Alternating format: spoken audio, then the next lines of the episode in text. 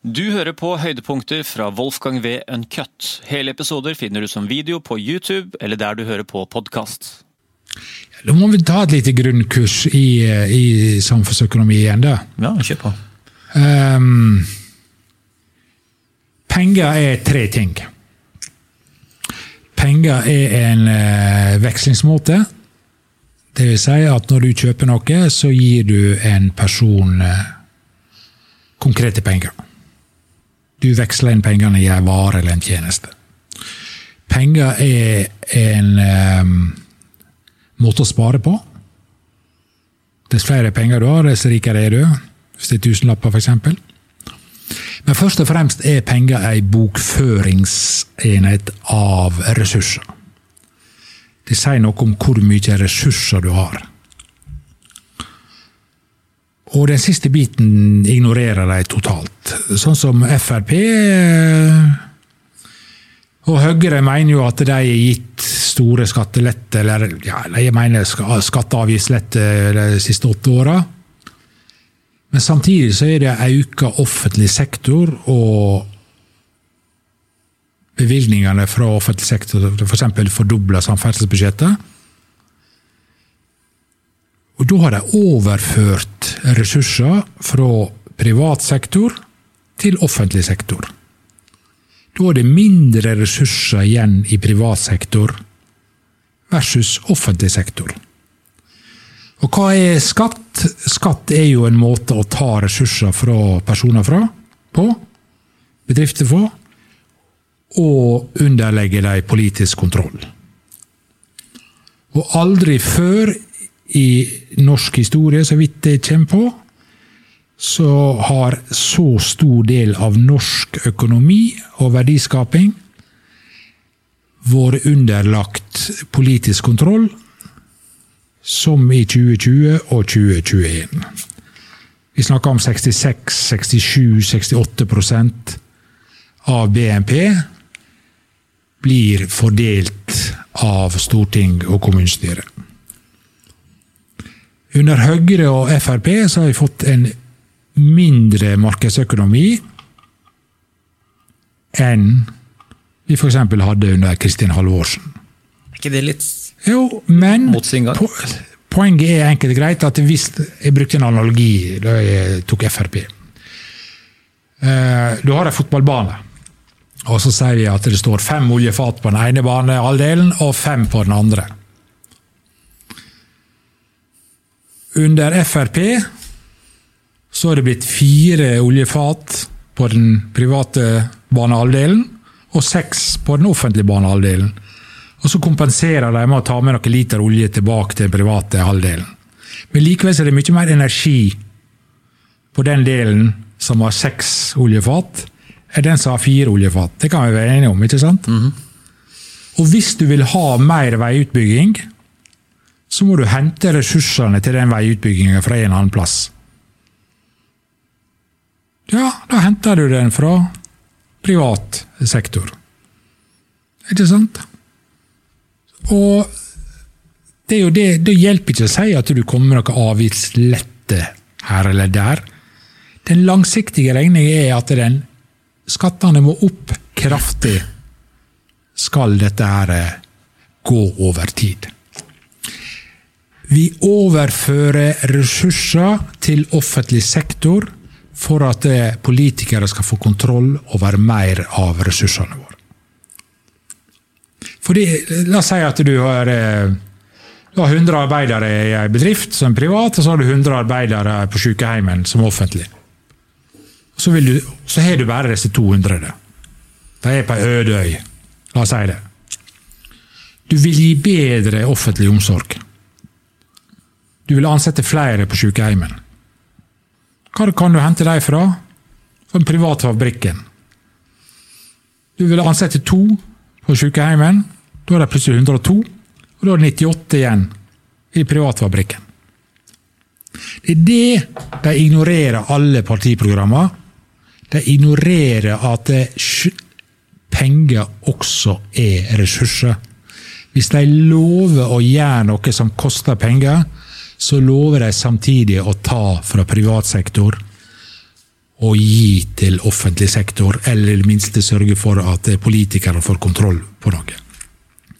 Og så er det sånne paradoks som Arbeiderpartiet. De sier de skal øke eksporten fra Fastlands-Norge med 50 innen 2030. Eh, hvordan har de tenkt å få til det, da? Hva er disse menneskene som skal produsere denne 50 %-økningen? Ja, de er eventuelt i offentlig sektor, da, eller trygda. Mm. Er det noen som ser for seg at Arbeiderpartiet tenkte å redusere antall personer i offentlig sektor, eller tvinge flere av de som er trygda, ut i arbeidslivet? Nja, det er ikke det akkurat programmet gir inntrykk av. da. Ja, Så hvem er det skal jobbe i disse nye eksportbedriftene som de må subsidiere? Havvind, f.eks., som Røkke skal stå for. Eller må du importere noen polakker, da? Mm. Og er det nok et poeng, det? Skal mm. satse på distrikter, satse på bedriftene i distrikter. Men vi må jo bare innse at fiskemottakene i Lofoten gjør sånn fryktelig mye godt for nordmenn det er jo østeuropeere, ukrainere og lignende som jobber der. Mm. Og det er det, hvem er det vi skaper dette samfunnet for? Og det, er mange sånne spørsmål som du, du kan stille det. Og, og møbelfabrikkene hjemme på Sunnmøre går så det koster etter dem, men det er jo eh, etter hvert flere polakker, baltere og slik som jobber der, enn lokale. Mm. Og ja, vi gir jo da balterne og polakkene bedre levestandard gjennom å bruke mer av oljefondet, fordi det er jo penger for oljefondet som gjør at vi kan importere dem. Mm. Men sånne refleksjoner på at det, det, det gjør ikke partiene, seg, da. Det er om Kverner, som Røkke også eier, ansetter 200 til, så kan vi være nokså sikre på at de aller, aller fleste av dem vil være polakker. De vil ikke komme fra, de vil ikke være tidligere trygda nordmenn, og de vil heller ikke være tidligere offentlig ansatte. For også arbeidskraft er en knapp ressurs, og ja, sånn er det bare. Mm. Så hvem er det vi skal skape et bedre samfunn for, og hvorfor skal vi eksportere mer? Vi har jo et kjempestort overskudd på handelsbalansen takket være olje og gassen. Mm. Hvorfor, hvorfor vil Arbeiderpartiet eksportere mer? Nei, for tydeligvis eksport har en verdi i seg sjøl. Jeg, jeg veit ikke hvorfor. Men uh, Fint å kommunisere det? Ja, det er vel kanskje det. da. Men det er jo en merkelig tenking. Det er som, eh, som, som må jo helt tilbake til Gerhardsen for å finne noe lignende. Det var Bilrasjonering og bananrasjonering og ene med det andre.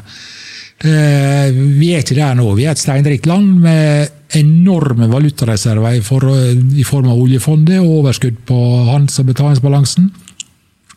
Norge kan eksportere mindre de, uten at det er noe problem. Vi driver ikke og eksporterer for at, det, for at vi skal eksportere. Dess flere vi har ansatt i eksportindustrien, dess færre må være ansatt i offentlig sektor, hvis du ikke da vil importere enda flere utlendinger. Men Når du diskuterer det her med la oss si politikere eller meningsmotstandere, hva, hva, hva, hva, får du til svar da? Hva er motargumentene her? Diskuterer ikke så ofte lenger med politikere. De, de er jo som de er. men Hvis du spør gamlingene i Finansdepartementet, og jeg kjenner jo mange av dem, så sier de at the golden years, de virkelig flotte tider i, i Finansdepartementet, var 1986 til 1992. Det var jo da Gro eh, eh, førte retorikk som, eh, som eh, god sosialist og kjørte Thatcher-politikk. Og det var jo dette her at da, var, da hadde vi hatt oljekrise og vi fikk bankkrise alt sammen. og da, da, måtte politikerne gjøre det rette, og da fikk fagøkonomene i, i Finansdepartementet lov til å gjøre det rette også. da. Men så er jo dette med oljerikdommen det har jo gjort at, at samfunnsøkonomi eh, mye forsvunnet. Jens var jo veldig opptatt av det, Jens Stoltenberg, og greide sånn noenlunde første periode med rød-grønne å, holde igjen. Men så kom finanskrisa som ga anledning til å bruke mye mer penger over offentlig budsjett. og etter det så er det, det er bare gått til skogen. Det, så er internasjonal lavrentepolitikk gjort oljefondet så stort også i tillegg, så Nei, de tenker De, jeg slutta å tenke på, på Da jeg gikk på gymnaset, så lærte vi at eh, politikk det er fordeling av knappe ressurser. Mm. Men det er ikke så mange knappe ressurser med et oljefond bak. da. Og da Dermed så får du veldig mye idioti. Og det er jo lenge siden Arbeiderpartiet hadde som hva skal jeg si, mål Arbeiderpartiets mål grunnleggende sett er å gi arbeiderne bedre velstand. ikke sant? Mm. Men norske arbeidere med en fornuftig politikk kunne hatt mye bedre velstand enn de har i dag. Men norske arbeidere føler jo at de har en god velstand. Mm. Så eh, man måtte gjenføre, og da har jo nordmenn det bedre enn andre.